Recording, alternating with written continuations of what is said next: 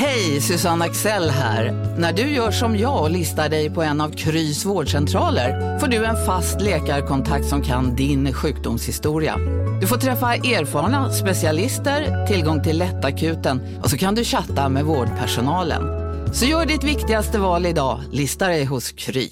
Välkomna sommaren med att... Res med Stena Line i sommar och gör det mesta av din semester.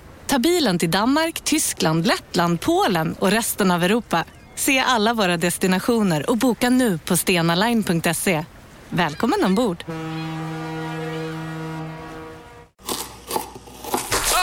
Dåliga vibrationer är att skära av sig tummen i köket. Ja! Bra vibrationer är att du har en tumme till och kan scrolla vidare. Alla abonnemang för 20 kronor i månaden i fyra månader. Vimla! Mobiloperatören med bra vibrationer. Vi får reda på att det har varit ett trippelmord.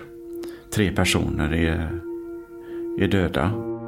I mars 2015 hittas tre personer ihjälskjutna på Bäverdalsvägen i Uddevalla. I ett av offrens, Rawanda Sis hand, hittas en mobiltelefon. I telefonen finns ett sms från ett okänt nummer skickat bara minuter innan han skjuts ihjäl. Ja, det handlar om ett sms där man stämde möte. Åklagare Per-Erik Rinsell. Vi ser vilket telefonnummer som kommunisten har skickat smset. Och för att få reda på vem som är innehavare av det så vill vi undersöka vilka andra kontakter det telefonnumret har haft. Det visar sig att det andra offret, Ala Faraj, också har kontaktats av det okända numret. Och smset är skrivet på exakt samma sätt. Bror, kan jag snacka med dig? Det är viktigt. Om den där horan du vet. Och det var skickat ganska kort innan mötet blev av. Så vi förstod ju att man har stämt möte med en av dem som har blivit mördad. Och då bör det ju vara någon som är inblandad i mordet som har, finns i andra ändan.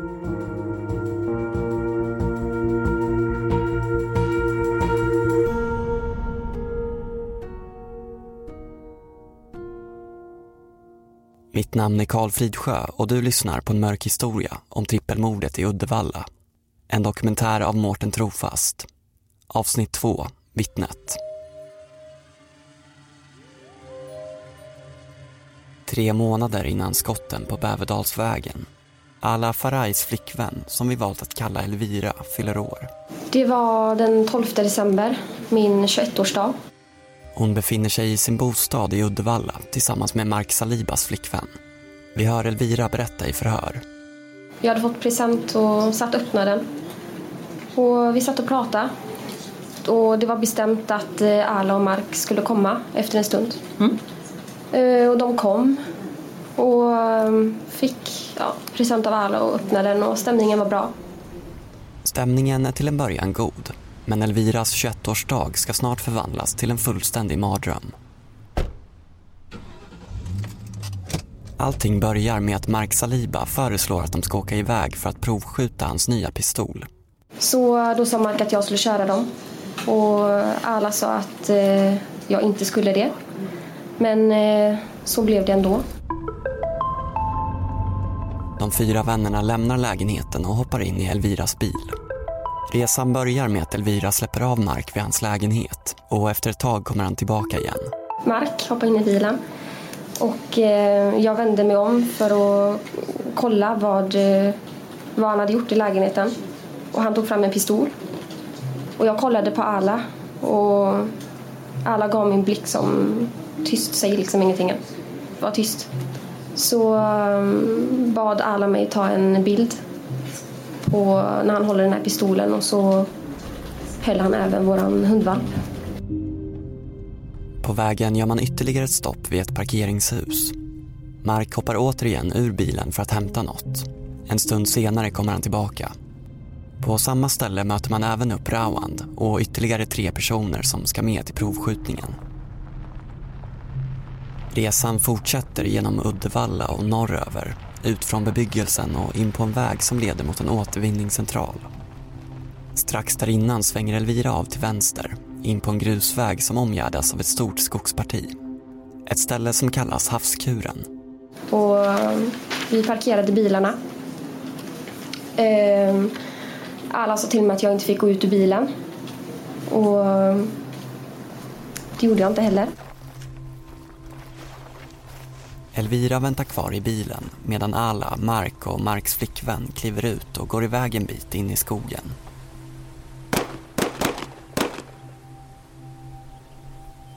De började skjuta.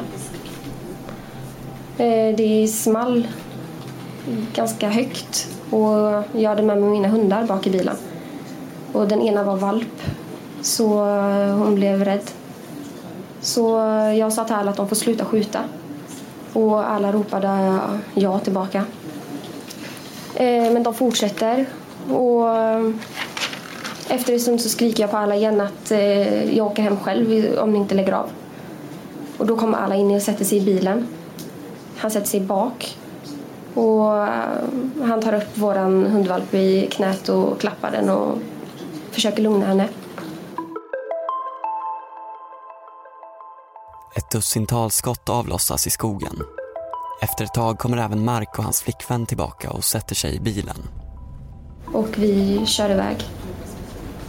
Eh, Mark se, säger inte vart jag ska köra utan han säger rakt fram och höger och vänster. Liksom. Eh, vi kör en bit och till slut säger han till mig att svänga in till vänster. De andra fortsätter rakt fram. Och där avlossas ett skott i min bil. Det blev eh, svart. Det blev varmt. Man var chockad. Jag stannar bilen och vänder mig om för att kolla på alla. Och alla kollar tillbaka på mig. Och sen öppnar han dörren, går runt och så drar han ut Mark ur bilen. Mark har från sin plats i baksätet av misstag råkat avlossa ett skott inne i bilen.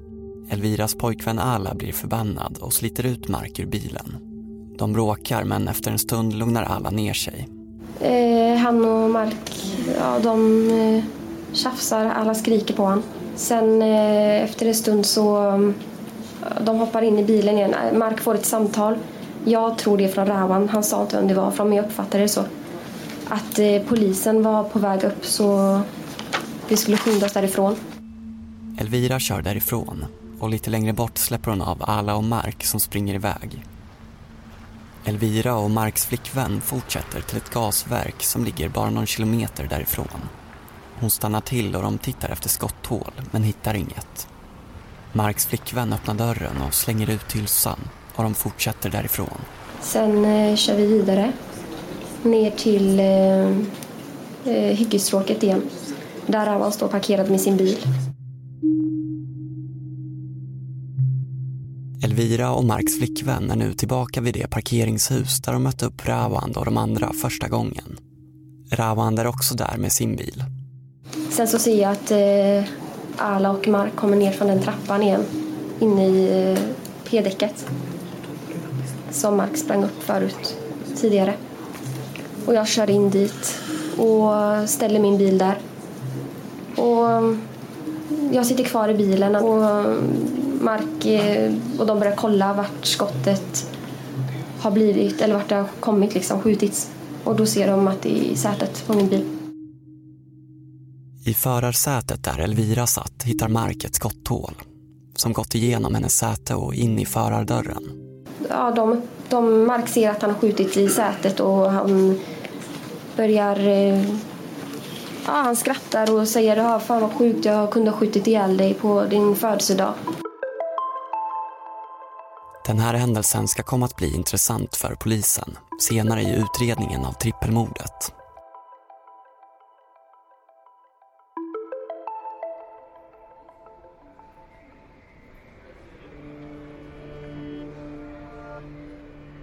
Tre månader senare.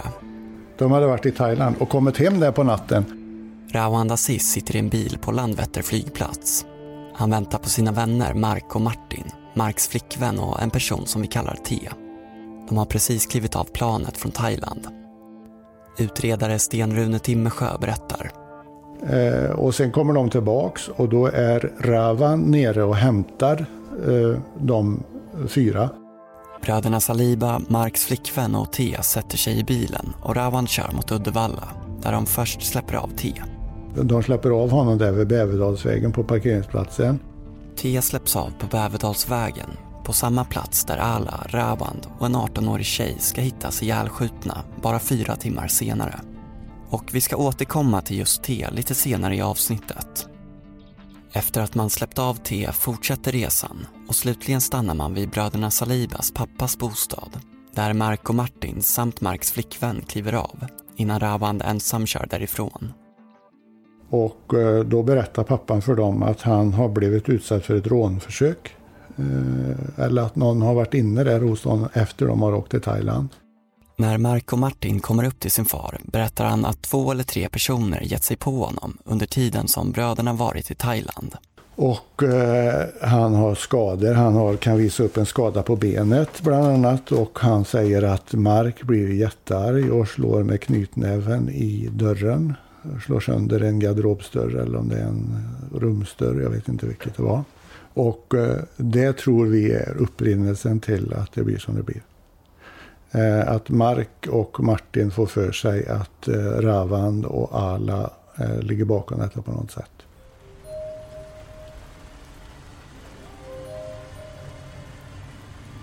Det, det, var ju så här att de här offren låg ju då på ett eh, lite avskilt ställe ut, i närheten av Uddevalla sjukhus. Och det vi fick fram det var ju ganska snart så, så eh, fick vi tag på en telefon som Ravan hade i sin hand. När Ravan Aziz hittas ihjälskjuten håller han en mobiltelefon i handen. Utredare Sten-Rune Timmersjö kopplas in. Och eh, det var ju prio naturligtvis på att tömma den telefonen och när vi eh, fick tömt den eh, Eh, så kunde vi se att han hade haft telefonkontakt då på natten med eh, någon som kallades för M.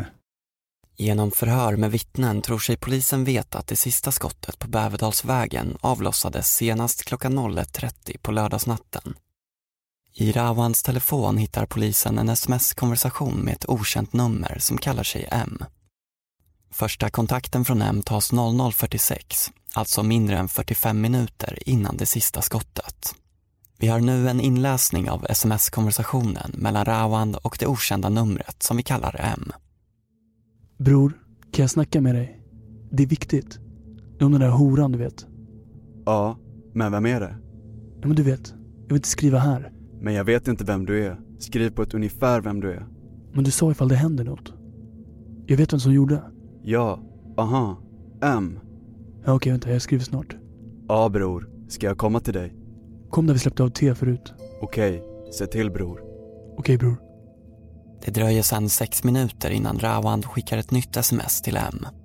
Klockan 01.00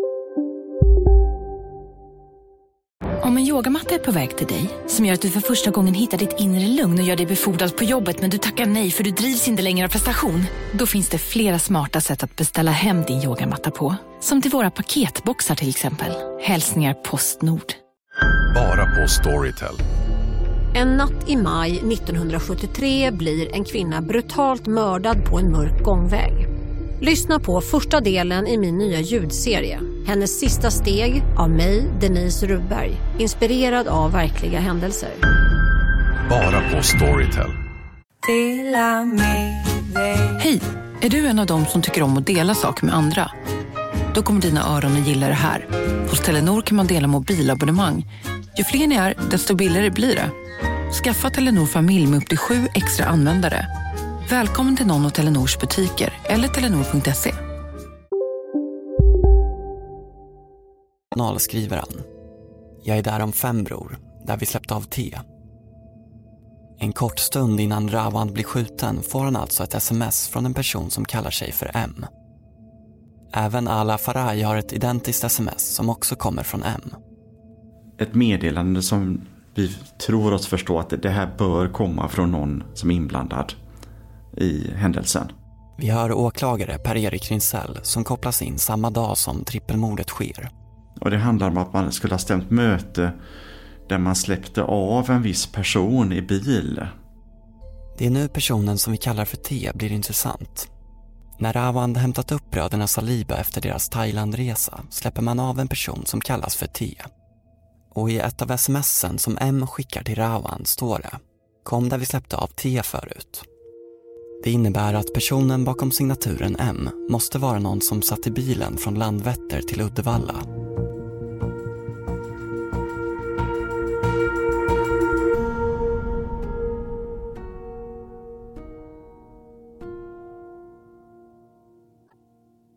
För utredarna blir det nu högsta prio att försöka få reda på vem som skickat smset. Alltså vem M är. För så behövs det ju då hemliga tvångsmedel för att få reda på vilken telefon är det som har skickat de här meddelandena. Genom hemliga tvångsmedel, alltså hemlig avlyssning av elektronisk kommunikation, får Per-Erik Rinsell och polisen fram vilken typ av telefon som M använder sig av. Vi ser vilken telefon som har använts, alltså vilken fysisk telefon. Och då hoppas vi ju att den finns, att den är köpt i närområdet. Så att man gör en väldigt bra insats och åker ut till de butiker i Uddevalla-regionen som säljer mobiltelefoner helt enkelt. Det var rätt många. Polisen åker ut till alla mobiltelefon och återförsäljare i Uddevalla. Till slut får man fram att Elgiganten två månader tidigare har sålt exakt en sån telefon som M använder sig av. Och eh, får träff på Elgiganten. Och där har vi då sån tur att den var köpt runda slänga två månader innan. Knappt två månader. Och Elgiganten sparar sina övervakningsfilmer i just två månader. När polisen går igenom övervakningsfilmen från Elgiganten dyker ett bekant ansikte upp. Så då har vi en bild på Mark Saliba när han köper telefonen. Bröderna Mark och Martin Saliba anhålls i sin frånvaro och redan dagen efter trippelmordet kan Martin gripas. Ett par timmar senare kommer Mark självmant till polisstationen. Vi får in de här personerna och de, de blir ju anhållna. De eh, lämnar berättelser som kanske inte övertygar oss utan snarare kanske ger oss, vi är kanske på rätt väg. Martin pratade ju egentligen kanske hela tiden fast han eh, berättar väl inte eh, hela sanningen. Sten-Rune Timmersjö igen. Men Mark han sa ju för det mesta ingen kommentar till allting. Eh, så där var ju ingen information att hämta av honom på det sättet. Sen berättar Martin saker som vi kunde kontrollera och som vi såg att det inte stämde och sådär. Ett par dagar efter att bröderna anhållits kommer också den kriminaltekniska och rättsmedicinska undersökningen. Den kriminaltekniska undersökningen den gav ju där att de hade blivit skjutna med två olika vapen. Eh, att eh, de båda killarna, eh, eh Ravan och eh, Alla, hade blivit skjutna vid ganska många skott var. Jag kommer inte ihåg exakt hur många. Och att tjejen som satt i bilen hade blivit eh, dödad med ett enda skott. Ala och Rawand ligger bara två meter ifrån varann. De har båda blivit träffade med fyra skott var. Det mesta tyder på att de har blivit överrumplade och skjutna på nära håll. Den unga kvinnan i bilen som står 25 meter längre bort har skjutits med ett skott i huvudet. Det visar sig att hon är Rawans flickvän. Men det kanske mest intressanta med undersökningen, att det troligen rör sig om två skyttar eftersom två olika vapen har använts. Alltså vi känner att det, vi är kanske på rätt väg. Så de häktas också av Uddevalla tingsrätt.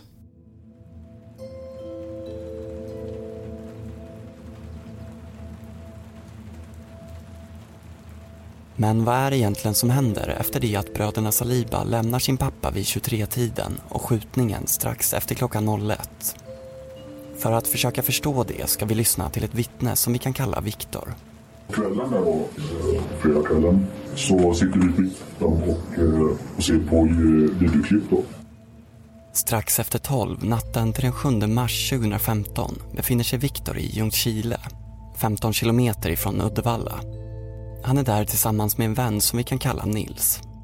De sitter och tittar på Youtube-klipp när Nils telefon plötsligt börjar vibrera.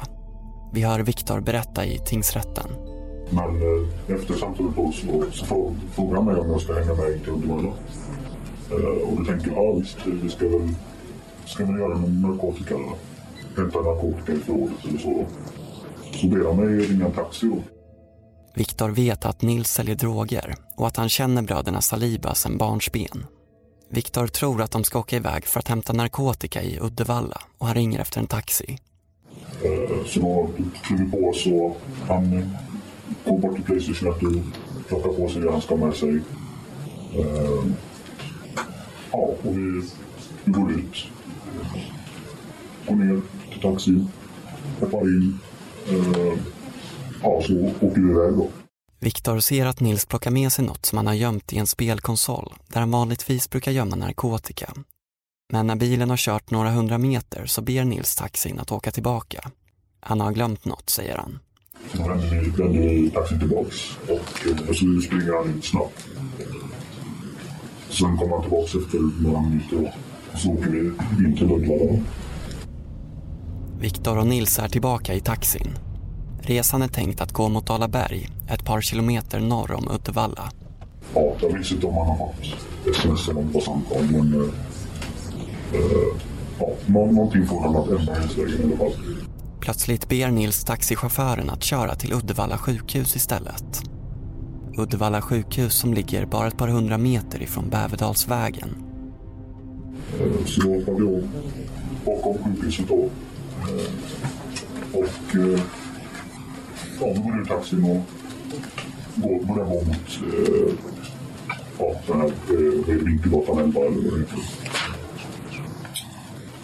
Och så går du fram till porten och ja, går in och så där, där Johan träffar, eh, träffar på Mark då och eh, även Martin. I mörkret framför porten till ett lägenhetshus skymtar Viktor två gestalter. En lite kortare och en lite längre. Det är bröderna Saliba. Plötsligt plockar Nils upp en armépistol. Och eh, ja, så, så överlämnar han eh, ja, pistolen då. Klockan halv ett på lördagnatten blir Viktor vittne till hur Nils överlämnar en pistol till Mark och Martin. Ett av de två vapen ska det visa sig som knappt en timme senare används vid skjutningen på Bäverdalsvägen.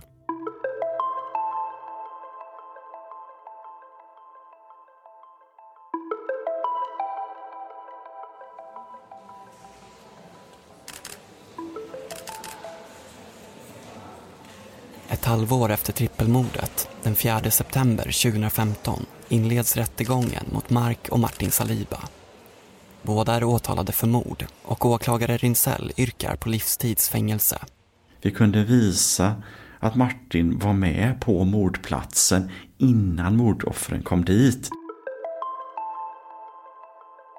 Det är framförallt ett vittne som åklagarsidan lyfter fram för att leda i bevis att det är bröderna Saliba som har begått morden.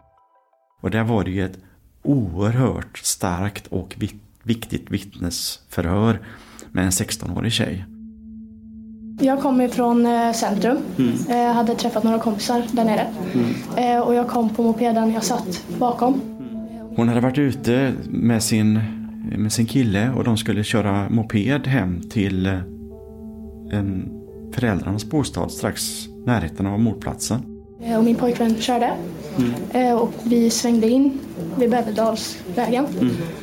Och hon beskriver hur två personer står vid en moped och hon kan beskriva mopeden väldigt bra. Det visar att hon har varit intresserad av att köpa precis en sån moped som de som killarna här, gärningsmännen då har. Eh, En vit. Eh, Lite större, lätt MC skulle jag säga. Eh, Och bakom den står det två personer. Hon beskriver dem längdmässigt och klädmässigt. En lite längre och en lite kortare. Eh, De står och tittar på oss när vi åker förbi med mopeden. Sen hör hon hur hon beskrivs som smällare. Och precis innan vi ska låsa upp dörren så hör jag smällar. Ja, det är ju naturligtvis skotten då. Eh, Och när vi kommer in innanför dörren så finns det ett runt fönster i dörren. Och jag står bredvid där det finns ett lite större fönster. Eh, Och vänder mig om och tittar ut och då hör jag mopeden komma sakta upp för backen. Det slumpar sig så att hon, den kör ju precis förbi hennes föräldrars bostad. Så när vi tittar ut så ser jag att mopeden kommer sakta. Eh, Och jag får känslan av att den saktar in och tittar in emot huset. Hon ser då att det är de två killarna hon sett där innan. De två killarna sitter nu på mopeden. Och eh, sedan fortsätter mopeden upp mot Lelången och drar iväg. Där man förstod att det var Mark Martin som var där. Det är väldigt mycket indicier tyckte vi. Och vi tyckte att de räckte. Eh, där tyckte inte tingsrätten det. Analysen brast.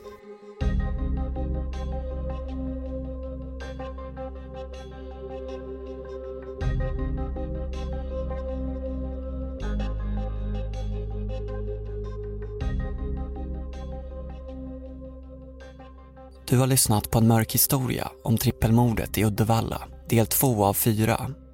Tryck på prenumerationsknappen i din podcastspelare för att inte missa nästa del. Eller lyssna nu direkt på alla fyra avsnitt utan reklam på Podme. Där hittar du som prenumerant idag också ett nytt exklusivt avsnitt om datingligan i Strängnäs, enbart på Podme. Trippelmordet i Uddevalla är en dokumentär av Mårten Trofast. Producenter var jag, Karl Fridsjö och Joel Silberstein Hont. En mörk historia görs av produktionsbolaget Just Stories.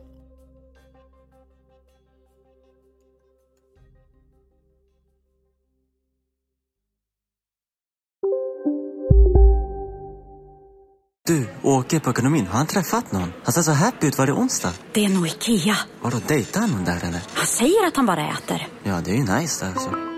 Missa inte att onsdagar är happy days på IKEA. Fram till 31 maj äter du som är eller blir IKEA Family-medlem alla varmrätter till halva priset. Välkommen till IKEA. Demideck presenterar Fasadcharader. Dörrklockan. Du ska gå in där. Polis? Effektar?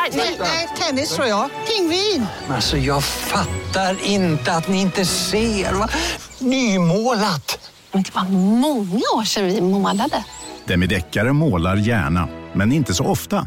Här sitter jag i en ljudstudio tillsammans med ett sjölejon för att berätta att McDonalds nu ger fina deals i sin app till alla som slänger sin takeaway förpackning på rätt ställe. Även om skräpet kommer från andra snabbmatsrestauranger, exempelvis Eller till exempel Ja, precis.